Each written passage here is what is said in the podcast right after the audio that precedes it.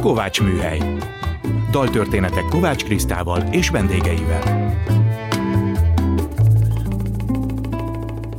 Szeretettel köszöntöm a Kovács Műhely hallgatóit, Kovács Kriszta vagyok. Először is hallgassuk meg mai daltörténetünk témaadó dalát, a címe Áldással békével jövünk. A zsidó népdalt Viktor Máté hangszerelésében és Fáberi Péter fordításában éneklem.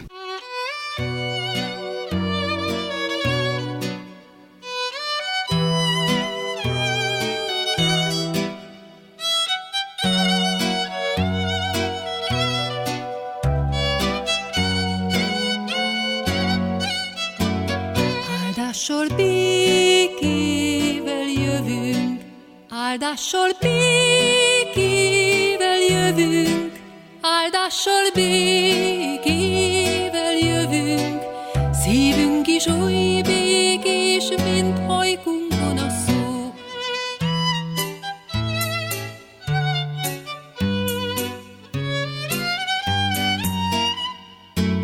Nem rejtel kést, tört az övünk, nem rejtel kést, nem rejtel ki, és tört az övünk, szívünk is oly békés, mint hajkunkon a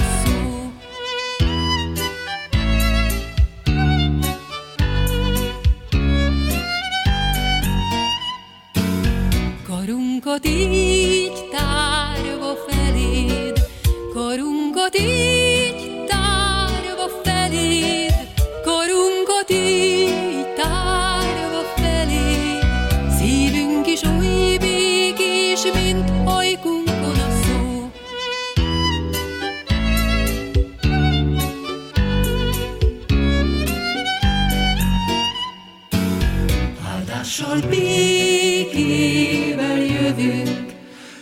áldással békével jövünk, áldással békével jövünk, szívünk is oly békés, mint ajkunkon a szó.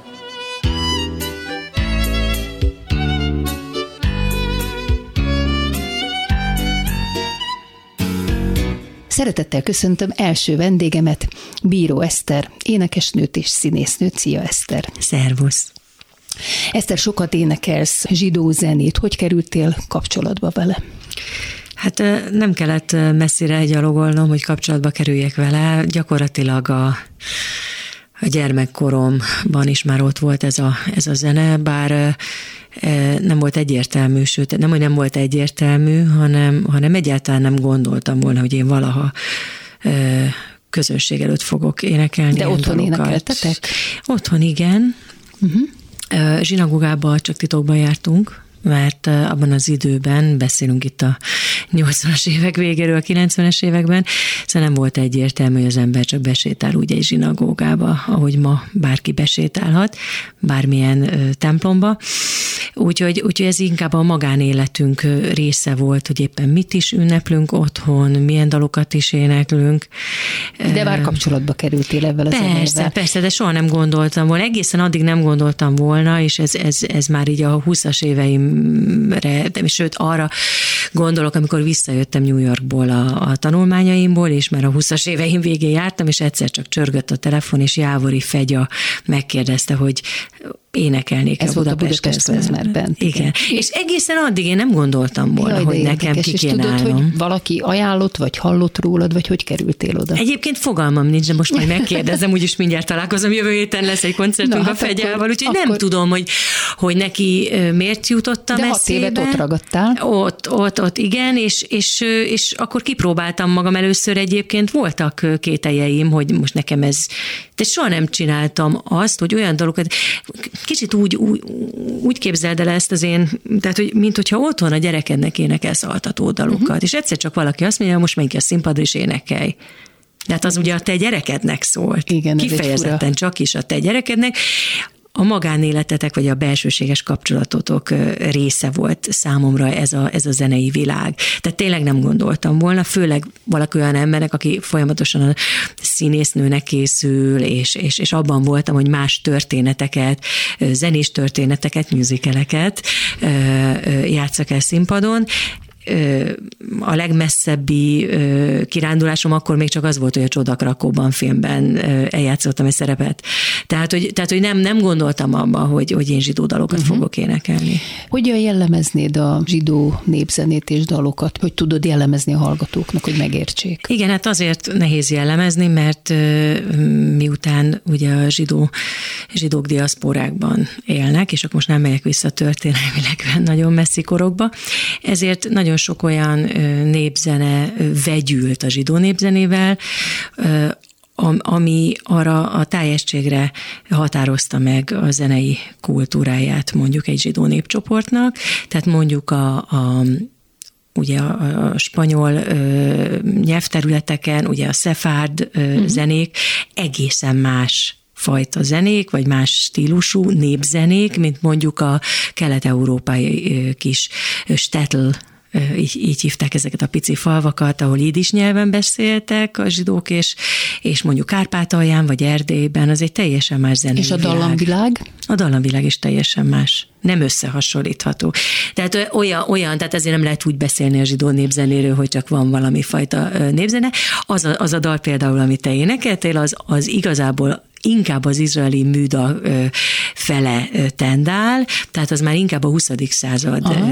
zsidó most már mondhatni, hogy népzenéje, de amúgy egy műzene, tehát van szerzője. Egyébként például a zsidó népzenékre jellemző az, hogy, hogy ők általában írástudó emberek voltak a zsidók az elmúlt évszázadokban, és ezért fölírták, hogy ki írta melyik de dalnak a zenét. terjed el. Igen, de hát, hogy mindenkinek megvan a szerzője. Aha, mondjuk igen, egy, egy 2000 éves dalnak, mondjuk a Jari Bonálám például az egyik kedvenc arámi nyelvű dalom, és az nem is 2000 éves, hanem inkább 5000, egy iraki, iraki arámi nyelvű zsidó népdal, na annak nincs meg az, hogy ki írta a zenét, de mondjuk egy ilyen, egy jiddis dalnak, ami mit tudom én, Kárpátaljáról való, egy, egy olyan dalnak, ami, ami az orosz nyelvterületről való, mondjuk az 1910-es évekből, mert rengeteg ilyen született, uh-huh. azoknak mind-mind megvan a szerzője. És a Budapest Klezmer Bendel hány fajta zsidó népzenét énekeltetek? Vagy énekelsz most is, hogy fölépsz velük? Velük csak is a kelet-európai is Aha. dalkultúrával foglalkoztam, azért is, mert a fegye ugye Kárpátaljáról való, Igen. az ő gyerekkor korát ezek a dalok, ez a zenei világ határozta meg, tehát ez csak is ez a jiddis nyelvű kelet-európai népzene, amely Magyarországra is betette a lábát, tehát hogy itt, hogyha azt mondanád, hogy melyik az, ami igazából ismert, természetesen hát közelebb volt Erdély, mint, mint, mint, mint a spanyol nyelvterület, és, és ez, hogy mondjam, ritmikailag is egyel közelebb áll hozzánk, de Nekem volt például egy lemezem, 2009-ben jelent meg, ami, amin kifejezetten azzal foglalkoztam, hogy a világ számos tájáról összegyűjtöttem különböző zsidó dalamokat, amelyeknek különböző nyelvük volt, és nem csak idisül, judaus spanyolul, vagyis ladinóul énekeltem ezen a lemezen, hanem például málájálám nyelven, mert Indiában például volt egy elég nagy Keralában egy nagy kultúr, nagy zsidó közösség, ahol ez azért is különleges, mert hogy ott nők, nők énekeltek elsősorban, és ez más helyeken nem annyira jellemző volt, de éneklek például judeot nyelven, a kaukázusi zsidók nyelve volt, most ma már lehet, hogy csak százezren, vagy még annál kevesebben is beszélik ezt a nyelvet. Tehát, hogy pont azt próbáltam érzékeltetni azon a lemezen, hogy, hogy az ember sokféle, sokféle tud lenni, és, és azzal, hogy különböző helyeken letelepednek az emberek, természetesen magukba szívják annak a helynek a, a levegőjét, kultúráját. Nemrég mutattátok be Födő Sándor Kaddis című művét, és ennek most már talán a vidéki megmutató is meg volt, vagy most készültök egy turnéra. Hát Födővel én is dolgoztam korábban, hát ő egy csodálatos muzsikus, ráadásul a férjed is, és gyerekeid apja. Mit kell erről a műről tudnunk, mert én annyit tudok, hogy a gyászolók kaddisa egy ősrégi zsidó ima, amelyet a gyászolók 11 hónapon keresztül mondanak el elhunyt szeretteikért. És ez a zsidó liturgia egyik alappillére, de hogyan jelenik meg ez zenében és ebben a műben? Ez egy nagyon izgalmas darab, még a vidéki bemutatója nem volt uh-huh. meg. Ez a karanténban íródott igazából. Igen? Tehát, igen, tehát tavaly Be voltunk zárva, és akkor a Sanyi is otthon alkotott, így van, ugye? Így van, így van. És én szoktam ötletekkel bombázni őt, hogy amikor van úgy, hogy benne megszületik egy dallam, megmutatja, hogy mind dolgozik, és akkor nekem egyszer csak beugrik egy ötlet, valamikor fordít, vagy az, hogy, a, hogy az ötletből, vagy egy szövegrészletből ö, alakul ki egy mű. Ö, hát annyit olvastam egyébként erről, hogy az es szólistája, a mű ihletője, megálmodója, ez mind te voltál. Tehát akkor ez hogy zajlódott? El, előbb találtad ki, hogy így legyen, és ő már írta, és rögtön írta, vagy ez ilyen? Igen, ezt én, ezt én kitaláltam. Először eredetileg egy balett zenének íródott mhm. egyébként, és az Exodus, mint témakör, ez, ez volt nagyon fontos, ezen, ezen gondolkodtunk, hogy, hogy ma mit jelent ez a szó, hogy Exodus, uh-huh. és ugye aki olvasta a könyvet, a, tudja, hogy meg aki, aki a Mózes könyvet ismeri, azt a bizonyos Exodus című könyvét, hogy ez, ez egy mai ember számára mit jelent, mit jelenthet, és innen indultunk ki, és hát akkor... Ez nagyon aktuális.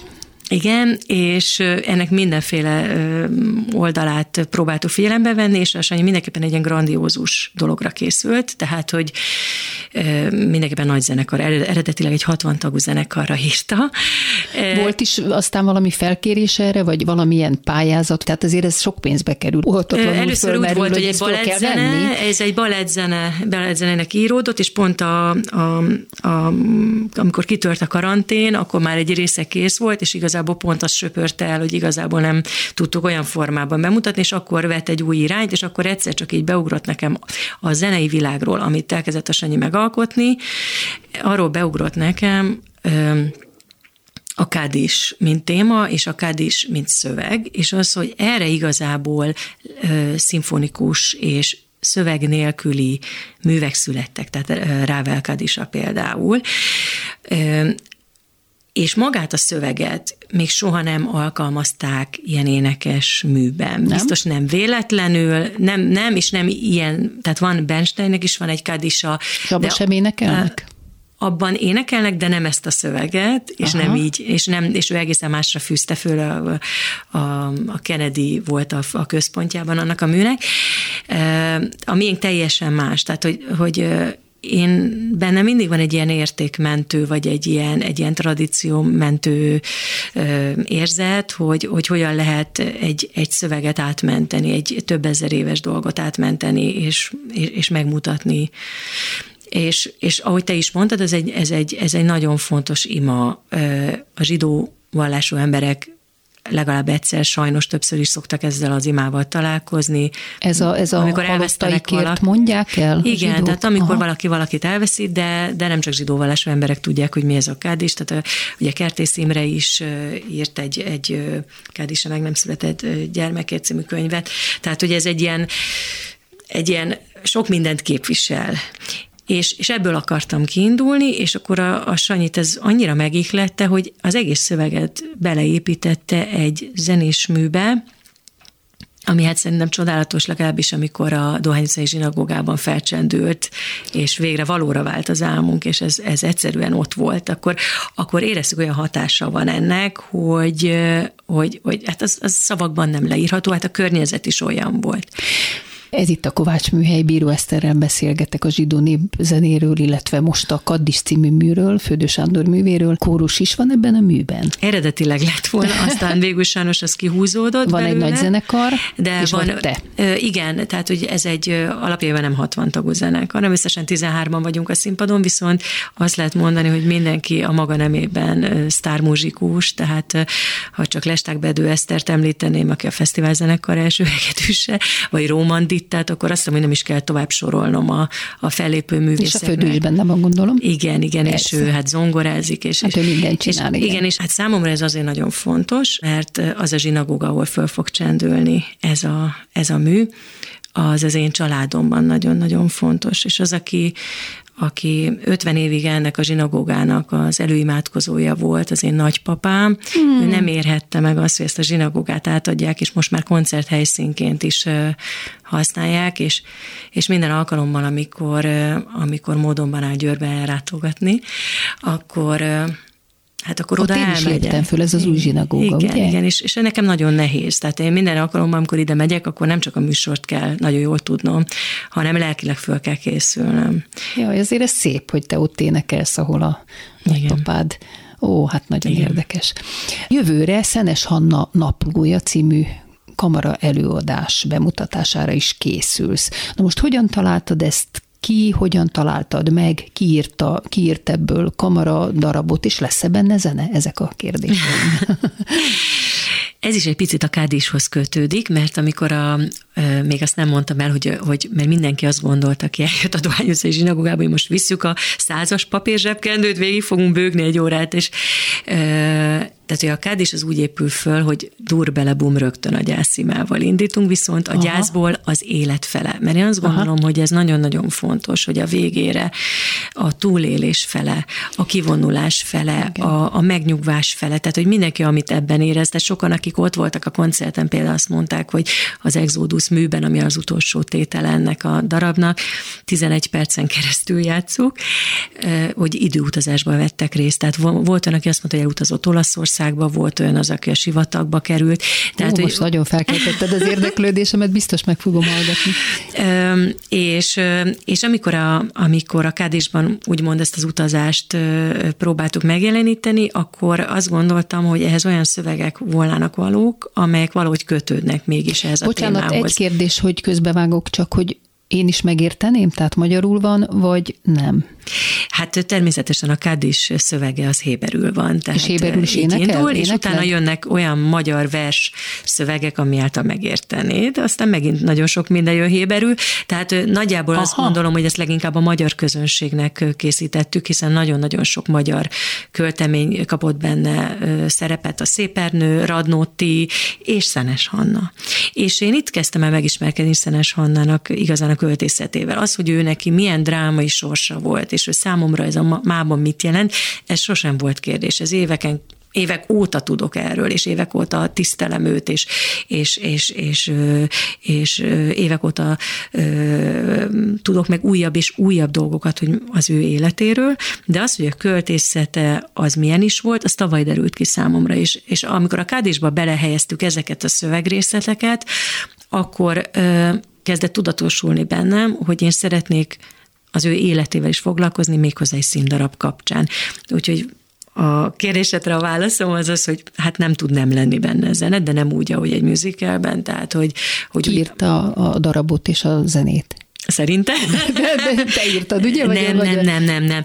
Természetesen Födős írja. És ő írta? Ő írja a zenét, a zenéket, értem, de természetesen. A szöveget, vagy ezt A darabot Tóth Réka Ágnes, egy, egy fiatal író hölgy írja, akivel már egészen hihetetlen kalandokban vettünk részt, hiszen ahhoz, hogy igazán hitelesek tudjunk lenni, mind történelmileg, mind minden minden szempontból, és a mai nézőnek meg tudjuk mutatni ezt a rettentő bonyolult történetet, ahhoz, ahhoz nagyon sok emberrel kell találkoznunk, és nagyon sokan segítik ezt, ennek a darabnak a létrejövetelét, és csak annyi, hogy hát olyan nagyon régóta foglalkozom vele, tehát tavaly nyár óta készülünk erre, úgyhogy, úgyhogy amellett, hogy most ünnepeljük ebben az évben a Szenes Anna száz, születésnek századik évfordulóját is, teljesen véletlenül, meg nem ezért kezdtem el vele uh-huh, foglalkozni. Én bízom benne, hogy ezen az évfordulón be is tudjuk mutatni. Ugyanis számomra ebben az egész történetben az a legfontosabb, hogy, hogy a mai velem egykorúak számára is, mert hogy nagyon kevesen hallottak még róla, közel tudja hozni ezt a történetet, és meg tudja mutatni, hogy miért is nem tudjuk ma, hogy ki is az a Szenes Hanna. Tehát, hogy ha az ember Pedig lemegy hát az utcára, rá. lemegy az utcára, és tízből kilenc ember biztos nem fogja tudni, hogy ő kicsoda, és ennek megvan a maga oka, természetesen, na hát ezt boncolgatjuk ö, amellett a darabban, hogy természetesen egy, egy rendkívül sokkoló és, és drámai előadásra készülünk. De most lépjünk tovább, mert hogy mindjárt itt van a Hanuka, a fény ünnepe, és te erre is készülsz egy csodálatos koncertre, mégpedig gyerekekkel és gyerekeknek. Hát annyit elárulhatunk, hogy ebben egy kórus is részt vesz, mert hogy te nem tudom mióta, de a Lauder iskolában részt veszel a kórus vezetésében, és erről mesél nekünk pár mondatot, hogy ez Igen, ez már jó jelent. pár éve, négy-öt éve, uh-huh. amikor elkezdtük, ezt is végül is Sanyival is, tehát ő hangszereli a dalokat, és Riv uh-huh. Katával ő maga, aki, aki felel azért, hogy olyan csodálatosan megtanulják a gyerekek a dalokat, mert én nekem ez nem lenne elég energiám valószínűleg, meg nem tudnék. De részt veszel te is. Persze, a... abszolút részt veszek benne. Láttam nagyon helyes klippeteket, nagyon-nagyon aranyos. Igen, ez, ez, ez olyan érdekes, hogy az ember elindít valamit, én is jártam, én a Betlentéri gyermekórusba uh-huh. jártam, amikor uh-huh. kicsi voltam, és nekem olyan sokat adott, és, és nagyon szeretem volna az, hogy, hogy én is tudjak így gyerekekkel foglalkozni, amennyire időm engedi, és, és amikor négy-öt évvel ezt elkezdtük, és elsősorban egy a tanároknak az iskolába készült készültek ezek a tematikus lemezek, először a péntekesti dalok, sabbati dalok, aztán Izrael 70, az Izrael 70. függetlenségére, kifejezetten a 20. században Izraelben íródott dalokból, illetve Pészahi dalokból, és most pedig hanukai dalokat készítettünk, ezért amikor jött a fölkérés, hogy nem csak, hogy egy pici kis zsinagógában énekelhetek gyerekeknek, de hanukai műsort adhatok nekik elő, Aha. akkor mindenképpen azt gondoltam, hogy most már a gyerekek készen állnak arra, hogy a nagy közönség elé kilépjünk. Ez lesz az első nekik? Ez lesz az első, amikor, amikor nem az iskola közönség előtt lépnek föl, Aha. vagy a tanárok előtt, és ez egy nagyon nagy dolog, mert, mert amikor elkezdtem négy-öt évvel ezelőtt, akkor még csak négyen, meg öten voltak, és aztán hirtelen mindenki csatlakozni akart, és, és most már azt lehet mondani, hogy egy kicsit olyan rangos dolog, hogy aki mondja, benne lehet ebben a projektben, és hát egyrészt szólókat tudnak énekelni, másrészt pedig meg tudják tanulni ezeket az ünnepekhez kötődő dalokat, amiben van szefárdal, tehát hogy olyan dal, amit egyébként a projekt előtt én se ismertem, egy olyan szefárt hanukai dal, de van benne jiddis dal, van benne magyar szövegű dal, tehát ők is egy picit a, a zsidó kultúrát meg tudják a dalokon keresztül ismerni, mert szerintem ez, ez egy jó ez egy jó dolog, hogy a dalokon keresztül megismerni egy, egy, egy vallást, vagy egy kultúrát. Kedves Eszter, köszönöm, hogy itt voltál a Kovács műhelyben rengeteg kérdésem lett volna, de hát erre most már nem maradt időnk, úgyhogy köszönöm, hogy vendégem voltál itt a Kovács műhelyben. Én is köszönöm szépen a És most következem Bíró Eszter és Zorán duettje, Zorán egy pár barát című lemezéről, a címe Mit akar az eső, szerzők Földő Sándor és Kányádi Sándor.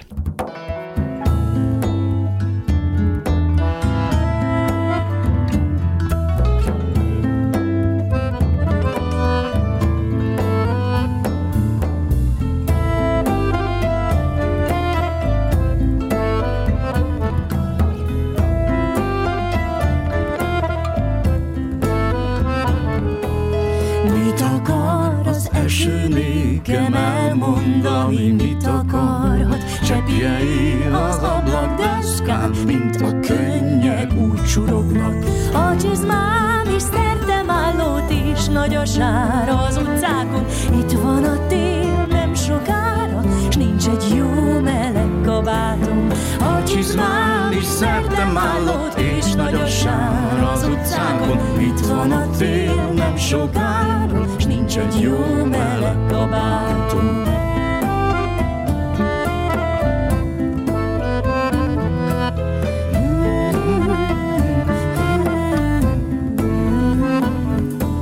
Mit akar a gyertya nékem elmondani, mit akarod? Csak pislákol fogy a fagyja, nem sokára csonká olvad. Magam is csak pillogatok, mint a fogyó gyertya szállam, nem sokára ellophanok, itt a héder homályában. Magam is csak pillogatok, mint a fogyó gyertya szállam, nem sokára ellophanok, itt a héber homályában.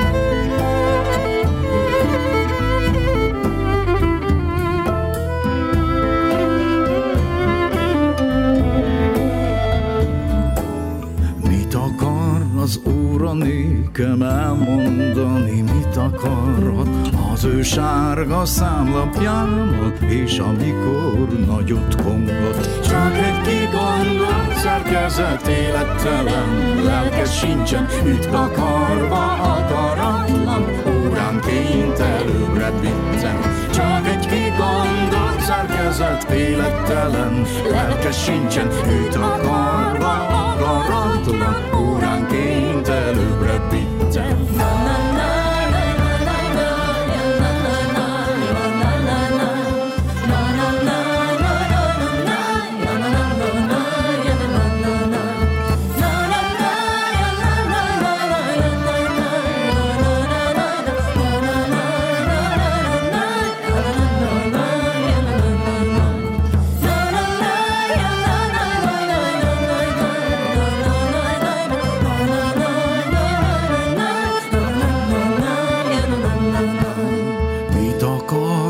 Élet nékem elmondani, mit akarhat? idő előtt megöregszem, ifjúságom múlik hervad. Éhezések, lenyelt könnyek, ökölre morult a vások, fölni napra nap a földit, és várni a más világot. Éhezések, lenyelt könnyek, ökölre morult a vások, és várni a más világot. És várni a más világot. Szeretettel köszöntöm második vendégemet, Sturovics Andrea hebraistát. Szervusz Andrea! Szia Kriszta! Kérlek, avas be engem és a hallgatókat a zsidó vallás egy-két alapfogalmába és irányzataiba. Azt tudom, hogy a egyik legrégibb és legelterjedtebb vallás a világon. Mikor alakult ki? Ez egy jó kérdés, két választ adok rá. Az egyik a vallásos válasz. Az, a vallásos válasz az, hogy 5782 évvel ezelőtt, azaz a világteremtésekor, amikor a világterem, világgal együtt a Tórát is, hát a, a, a Bibliának nevezett, Héber Bibliának nevezett szöveget, és annak összes kommentárját is megteremtette az örökkévaló. Tehát tulajdonképpen arra az időpontra tehető a judaizmus megalakulása, és ezek után, hogyha az, a Bibliát fellapozzuk, akkor elkezdődik Ábrahám története és az ő elhívása, aki nyugodtan lakott a saját helyén, és akkor azt mondta neki az örökkévaló, hogy na jó, van, akkor gyere. És akkor jól és értem, hogy a Héber Biblia az egyenlő a Tórával? A, nem, ez egy picit bonyolultabb dolog, de hogy befejezve a, a, az előző gondolatot, Ávram története az egy egyéni elhívással kezdődik, utána egy család történeté terebélyesedik, majd egy törzs történetévé, uh-huh. ami Egyiptomban, az egyiptomi fogság idején válik egyfajta ilyen nép történeté, és valójában, amikortól azt számoljuk, hogy ténylegesen nép és vallás egyaránt a judaizmus, az a tóraadás tehát az egyiptomi fogságból való kijövetel, és az, az ígéret földjére való megérkezés közti ö, történés, ahol a nép ö, megkapja, a, megkapja a törvényt. Megkapja a törvényt, megkapja a tórát. Uh-huh. Kérdésedre válaszolva, a tóra az egy Jolly Joker fogalom, ugyanis használják úgy, mint törvény, úgy általában törvény. Aha azt is jelenti, hogy tanítás, úgy általában tanítás. Aha. Használják úgy, mint Mózes 5 könyve, uh-huh. használják úgy, mint a Héber Biblia egészen, és használják úgy is, mint a Héber Biblia és annak az összes rabbinikus kommentárja egészen a mai napig, amikor van egy ilyen mondás, hogy ha egy rutinos mm, Talmud tanuló feltesz egy kérdést, a, a, tulajdonképpen az is ki volt nyilatkoztatva a Szinájhegyen. Hát ez nagyon érdekes. Tehát ez a, ez a, ez a vallási válasz arra, uh-huh. hogy mhm. mikor alapult. A, a vallás történeti válasz az Igen. körülbelül inkább az lenne, hogy nagyjából szintén időszámítás előtti több ezer évvel ezelőttre kell visszamenni, ahol a, az ókori keleten a sok-sok-sokféle kultikus vallásnak az egyikére kellene rá, rámutatnunk, mi az, hogy kultikus vallás. Van egy, illetve általában több isten, azoknak a, van valamiféle kultuszuk, áldozati szertartásokat mutatnak be neki, és általában a, védelmüket kérik. És akkor a sok-sok helyi vallásoknak az egyike a, a, a mondjuk a zsidók vallása, valamiféle törzsi vallás. Törzsi vallás, de monoteista vallás, tehát egy Isten hívő vallás, ugye? Vagy nem? Mm, elméletek szerint kifejezetten politeistának indult ez gyerekkorában, Igen? aztán, aztán, aztán a monoteizmus lett a, a túlélésnek az eszköze. Mondom, ez egy vallástörténeti válasz. Szerintem mindig érdekes összehasonlítani a hagyománynak a belső válaszát és a vallástörténeti válaszokat, azokat meg nem érdemes keverni. Aha. Nekem kívülről nézve nagyon érdekesnek tűnik egyébként, hogy most lehet, hogy egy hülyeséget mondok, de ez csak egy érzet, hogy ez a vallás, ugye ez egy egyéni utat jelent. Tehát itt mindenkinek magának kell megtalálnia az utat az Istenhez, ugye? Talán jól értem. Hmm. Nem? Nem, nem értem jól? Ö, lényegében nincs, nincs olyan vallás, amelyik egyéni vallás lenne.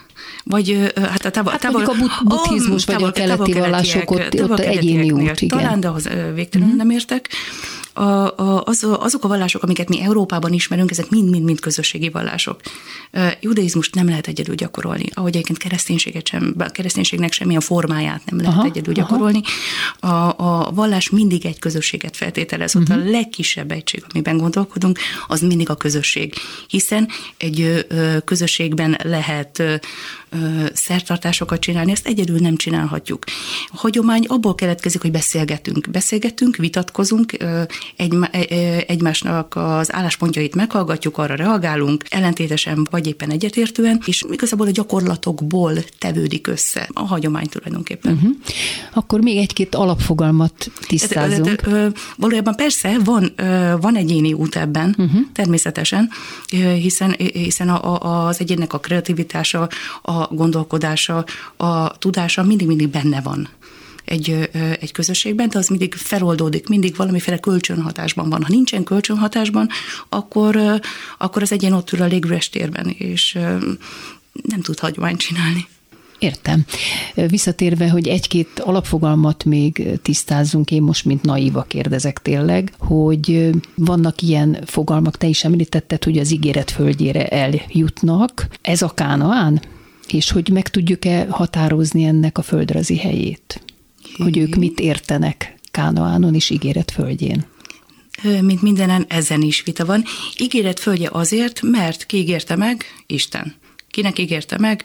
Ábrámnak, Yitzháknak, Jákovnak, és utána még, még, még Igen. több, több generációnak. Ez nagyjából földrajzi fogalomként valóban az ókori Kanaánt jelentette, ami, a, aminek később más nevei is lettek, a, az ókori Izrael területe. A mai Izrael is? Nagyjából Benne a mai, van? igen, nagyjából a mai Izrael is. Tehát Jeruzsálem például benne Hogyne, van? hogyne, hogyne. Uh-huh. De hogyha ha, ha elkezdjük lapozgatni a Bibliát, akkor, az, e- akkor egészen a, a Babilonig el fogunk jutni, tehát a mai Irak területéig, illetve majdnem Egyiptomig. Aha. Hát a, a, amikor folyamatosan politikai viták robbannak ki azon, hogy na jó, hol van Izrael határa, akkor fel lehet lapozni a Bibliát, csak ott is több, több választ fogunk találni, hogy de mégis hol. Aha. Mégis meddig terjed az a határ. Hát most Jeruzsálem mégiscsak egy szent központja a zsidó vallásnak. Ahogy más vallásoknak És még is. több, persze, persze, igen. De ez mindig egy nagyon fontos kulcskérdés volt, még ma is a politikában, hogy Kétségtelen, kétségtelen, de egyébként Jeruzsálem karrierje korábban kezdődik, tehát ha csak a Bibliát uh-huh. forgatjuk, és amikor Ábrahám megérkezik Jeruzsálembe, akkor, hát akkor ott laknak. És akkor egy Melki Cedek nevű a pasas, aki éppen a jeruzsálemi király, elé jön és kenyeret hoz neki. Hát ott is akkor is van valamiféle kultusz Jeruzsálem, akkor is egyfajta központ, csak éppen nem a zsidóké. aha, és akkor jöttek a zsidók, és akkor ott megtelepettek, és kialakították a saját központjukat. Hát előbb még nem, de a kultikus központ az az ókori Izrael államához kötődik, és az első szentélyhez, ami Salamon király épített a hagyomány szerint. Mi az a frigyláda, és hol található? Halvány sejtemünk sincs, hogy hol található, ha csak a frigyládák fosztogatóit meg nem nézzük. Igen. De a frigyláda az valójában még a pusztában készült, nagyon különleges fából, ezt sittimfának hívják, be volt borítva aranyjal, a hagyomány szerint, és hát nem csecsebecséket tettek bele, hanem konkrétan a, a kőtáblákat. A kőtáb, mózesi kőtáblákat, Így ugye? van, a, ami, amin ö, egyesek szerint a tíz parancsolat van, mások, mások szerint tulajdonképpen benne van az egész tóra, ugye hát ez már egy középkori Igen. ö, álláspont. Van még egy kis manna belőle, úgy a pusztai vándorlás emlékére. És ezt ott elhelyezték Jer- Jeruzsálemben, vagy hol? Hát, és mi lett, hogy ezt mindenki hát kereste? Ilyen, ilyen, ilyen, ilyen dolgot az utcára nem lehet tenni. Nem, nem, persze. Úgyhogy akkor megyünk egy kicsit beljebb, és amikor a, a mm, szentély felépül, akkor az igazi helye az a kőszentélyben van, és nem is a bejáratnál, hanem annak a legbelsőbb helyében, a szentek szentjébe, ahova a főpap is csak egyszer megy be egy évbe, és ő is csak azért megy be, hogy belesuttogja az örökkévaló nevét. És ezt akkor épített, vagy akkor csinálták? Nem, a pusztában. A pusztában. A hagyomány szerint ezt a És pusztában, a pusztában készítették, és így van. Ezt így cipeli az ember, és nem hátizsáként, hanem ilyen rudakon. És bevitték a szentébe, és ott meddig maradt, és mit tudunk erről? Semmit. Semmit, igen. hát amíg a szentély áll, addig a Fridláda, a Fridláda helye ismert, az a szentek szentje. Tehát úgy meddig áll a szentély, a, hát a szentély az, az, az kétszer sikerült lerombolni, az első lerombolás az 586, és utána a babiloni fogság. Egyes vélemények szerint már akkor elveszett. Uh-huh. Más vélemények szerint elásták, aztán utána nem került meg. És akkor egy, annak is nyilván van egy nagy története, hogy mindenki természetesen, kutatja a Fridládát, természetesen, ugye? A, természetesen, hát a Fridládát azt mindenki szeretné megtalálni, hiszen a De nem találták meg, sose. Hmm, nem tudunk róla, hogy bárki nem tudtuk, igen, volna. Igen. Ez itt a Kovács Műhely és Turovics Andreával beszélgettünk a zsidó vallási alapfogalmakról, és most fogunk az irányzatokról is. Még annyit kérdeznék, hogy azt mondhatjuk, hogy a zsidó nép két ezer éves számüzetése Izrael megalapításával véget is ért, vagy ez nem mondhatjuk? Nem. Hát itt elég sokan vagyunk, például Pesten is, hát akik határozottan nem Izraelben élünk, határozottan nem izraeliek vagyunk. Jó, de nem vagytok száműzve, vagy nem vagy száműzve, hanem itt születtél, gondolom, itt élsz, magyar vagy zsidó vagy mind a kettő, kettős identitással élsz, nem tudom, ezt csak a, kérdezem. Ha arra gondolom, hogy a száműzetés az az, hogy nem, nem, nem, nem szabad oda menni, akkor, um, akkor az egyébként nem olyan nagyon hosszú, mert a, a, az Izrael Izraelbe való, vagy tehát ez Izrael földjéről, vagy erről, erről a földrajzi területről való számüzetés, az tehető a, a hatodik század végére, utána, utána ugye vissza, le, vissza lehetett jönni. Utána van még egy nagy számüzetés a, az időszámításunk szerinti első században, amikor a rómaiak, rombo, ezúttal a rómaiak rombolták uh-huh. a szentét, ez történelmi tény, és Utána az első században a Markoch balázadás után hoztak egy olyan rendeletet, hogy zsidókat nem lakhatnak. Természetesen a zsidók egy idő után visszaszivárogtak erre a földre, és ezen a földön lakni mindig is egy szép dolog volt, tehát a, a, a hagyomány szerint az egy, az egy dicsérendő dolog a Kanán földjén, Izrael területén lakni. Hát nyilván nem véletlen, hogy Izrael államot is ott alapították meg. Ö, voltak más ötletek. Voltak. Hogy, természetesen voltak, voltak más itt. ötletek, de, de végül nyilván ez nyert. És egyébként erre vannak, vannak olyan vélemények, hogy egyénileg erre a területre menni és ott lakni, az egy vallási parancs. Hm. Ellenben ugyanezt államként megtenni, államot szervezni, az kimondottan tilos. Jé. Miért? Miért?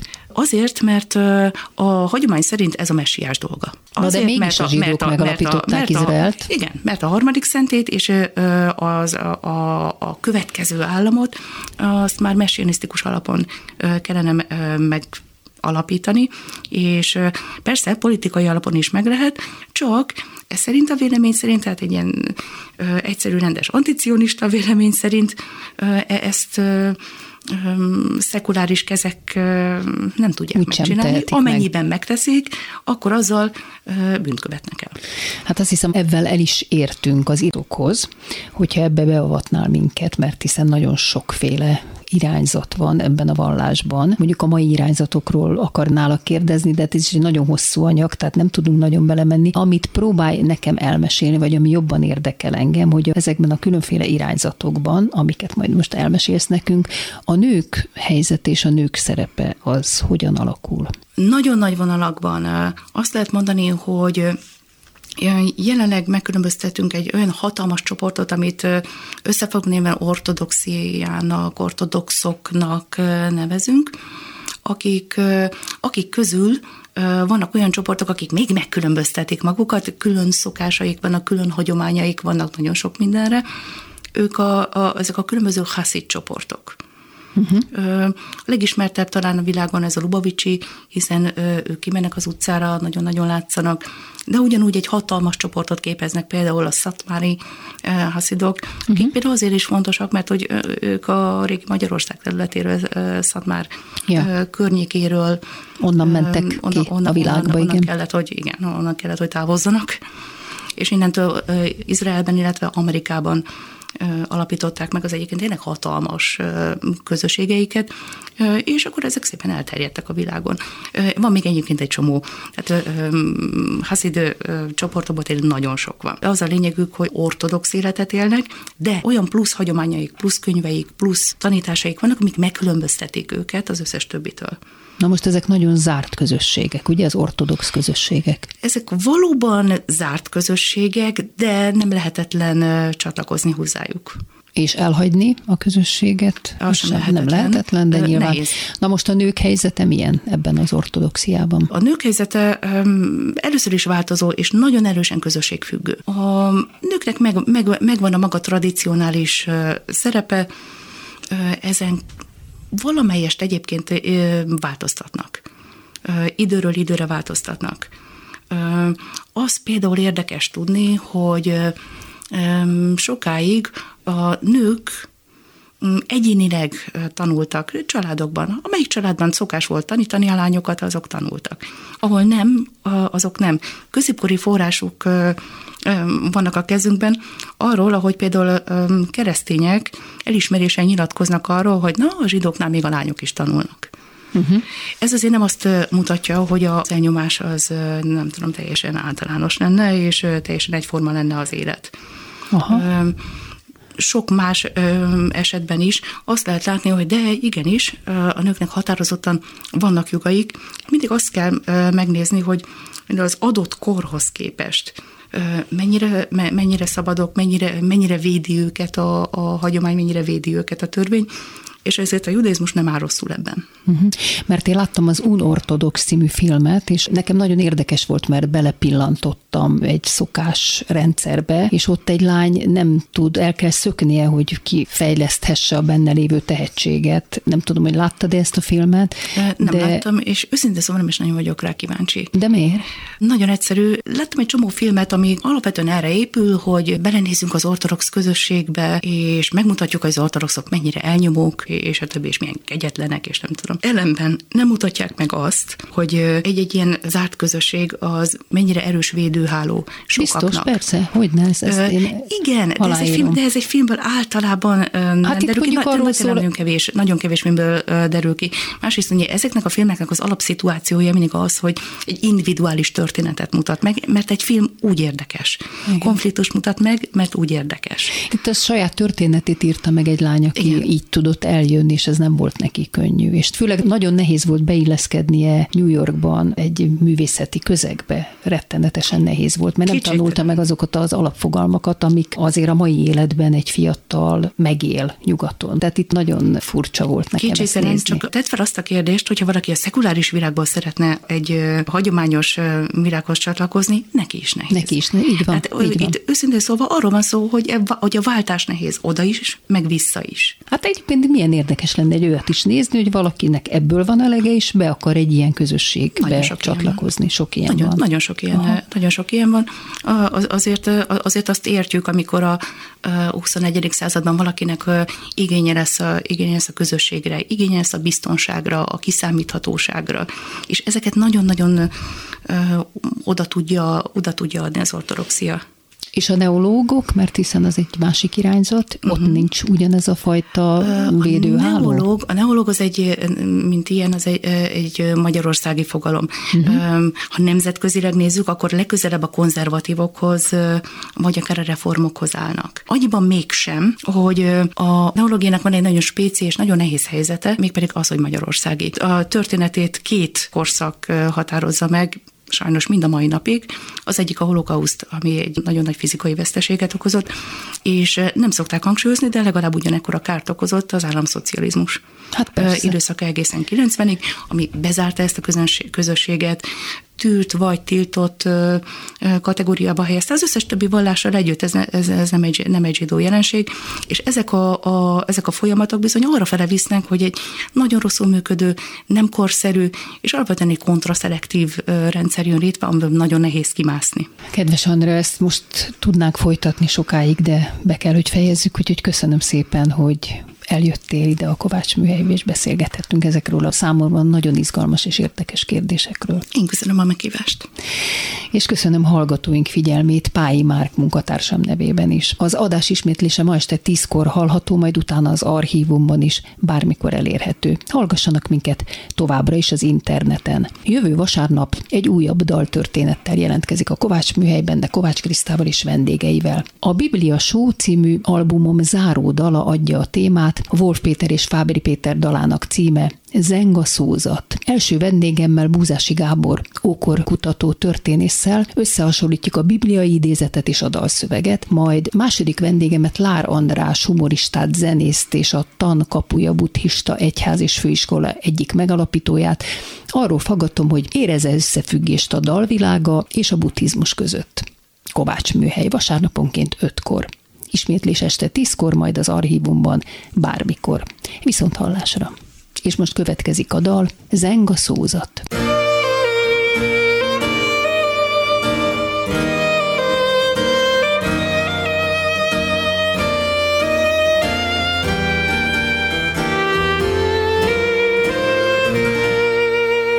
Zenga szúzott a víz fölött, Zenga szúzott az ég alatt, Fák, fű, föld, fény,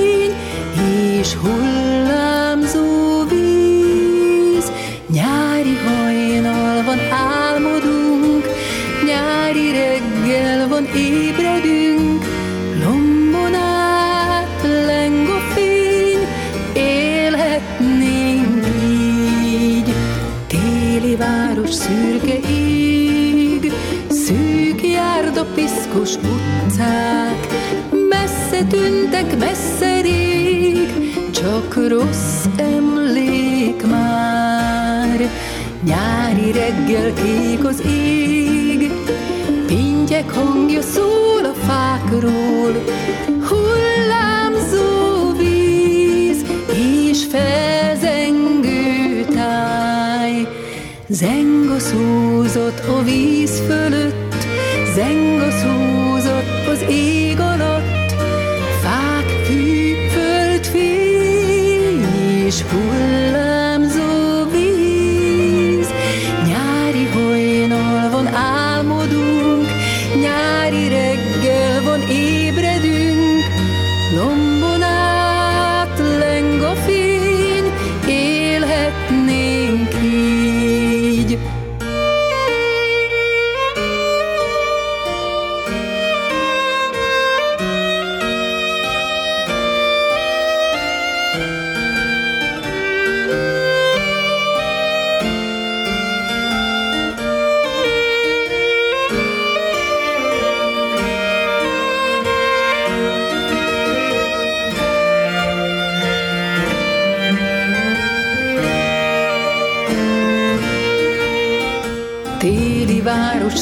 szürke ég, szűk járda, piszkos utcák, messze tűntek, messze rég, csak rossz emlék már. Nyári reggel kék az ég, pintyek hangja szól a fákról,